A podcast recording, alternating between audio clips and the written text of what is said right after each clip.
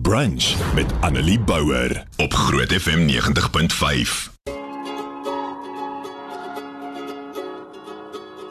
Vanoggend gaan ons 'n bietjie kyk na Hebreërs 11, maar dit is baie belangrik dat jy Hebreërs 11 die hele hoofstuk in konteks lees. So ek gaan net so vinnig vir jou 'n oorsig gee van waar ons trek in hierdie Bybelboek. So in die vorige hoofstuk, dis nou Hebreërs 10, het die skrywer die geloofsgemeenskap in Rome aangemoedig om met vrymoedigheid in God se teenwoordigheid te lewe. Spesifiek dan nou in Hebreërs 10 vers 19 tot 22. Hy het hulle aangespoor tot liefde en goeie dade terwyl hulle met volharding God se wil soek en doen. So dit gebeur in hoofstuk 10. Goed.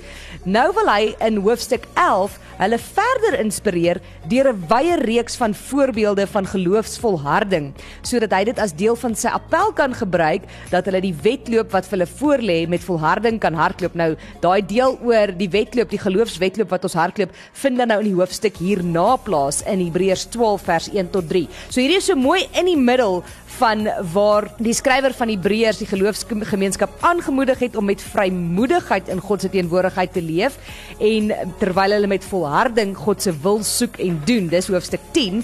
Hoofstuk 11 gaan dan nou oor wat geloof is en die voorbeelde van geloofshelde in die verlede en dan hoofstuk 12 gaan dan nou oor volharding. So die definisie van geloof waarmee die skrywer begin is eintlik die enigste definisie van sy soort in die Nuwe Testament. Dis in die lig van hoofstuk 10 se boodskap nie regtig 'n abstrakte teoretiese beskrywing van geloof nie. Dit beskryf eintlik nogal konkreet die ingesteldheid, die aktiewe geloof en vertroue waarmee hierdie wedloop wat vir die geloofsgemeenskap voorlê wat nou in hoofstuk 12 kom gehardloop word.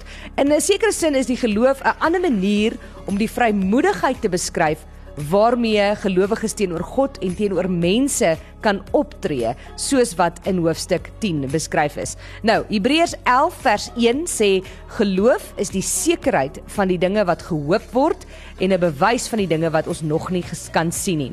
So vers 1 lê hierdie aktiewe betekenis van geloofsvertroue in wat in die res van hierdie hoofstuk dan met verdere geloofsverhale geïllustreer word. Geloof is die bewys van wat God aan ons gee dat hy die dinge wat ons nie kan sien nie waar sal maak. Dit is sekerheid van die dinge wat gehoop word. Dit is 'n bewys van dit wat nie gesien kan word nie. Dit beteken hierdie tipe geloof is die vertroue op God se belofte as 'n werklikheid. Geloof is iets wat in en deur geloof as vas en seker geag word. Hierdie geloof reken die belofte van God as 'n realiteit. Al lê die verwerkliking daarvan nog in die toekoms en al kan ons dit nie met ons sintuie waarneem nie. Hierdie tipe geloof waarvan Hebreërs praat sê God se beloftes is vas en seker. Dit is konkreet en werklik al kan ons dit nog nie nou al sien nie. Nou soos voorheen genoem is geloof en hoop twee kernbegrippe in hoofstuk 11.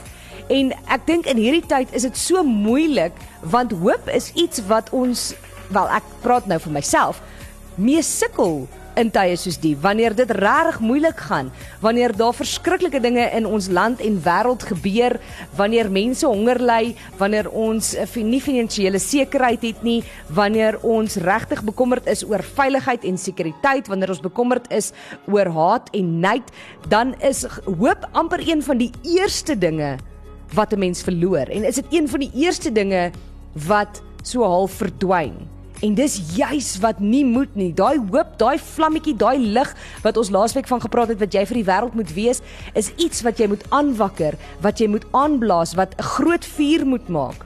Geloof en hoop kan daarom nie van mekaar losgemaak word nie. Wat is die resultaat dan van geloof en hoop? Niks anders nie as volharding. Ons kan dit so voorstel, geloof plus hoop is gelyk aan volharding. Gaan lees gerus hoofstuk 11 van Hebreërs en gaan kyk ook na die voorbeelde wat die skrywer van Hebreërs gee van die Ou Testament van geloofshelde wat nooit hoop verloor het nie maak nie saak hoe hopeloos hulle situasie gevoel of gelyk het nie wat bly volhard het omdat hulle hoop en geloof gehad het. So mag jy in die week wat kom en in die pad vorentoe aan daai hoop vasklou. Aan daai geloof dat God altyd by jou is, dat jy nooit alleen is nie. En mag jy dan volhard as gelowige in dit wat ons pad en ons doel hier op aarde as gelowiges is. So mag daai geloof plus hoop omsit in volharding en mag jy hierdie wedloop tot die einde toe klaarmaak en weet dat jy nie alleen is nie. En dan mag jy daai hoop aanblaas en aanvuur, daai geloof wat jy weet al kan jy nie sien nie, al verstaan jy nie hoekom dinge gaan soos dit gaan nie, al weet ons nie nou wat die redes is vir alles nie. Hoe weet ons dat ons hoop op God gerig is en dat daai hoop nooit kan vergaan nie en daarom kan ons volhard. Brunch met Annelie Bouwer op Groot FM 90.5.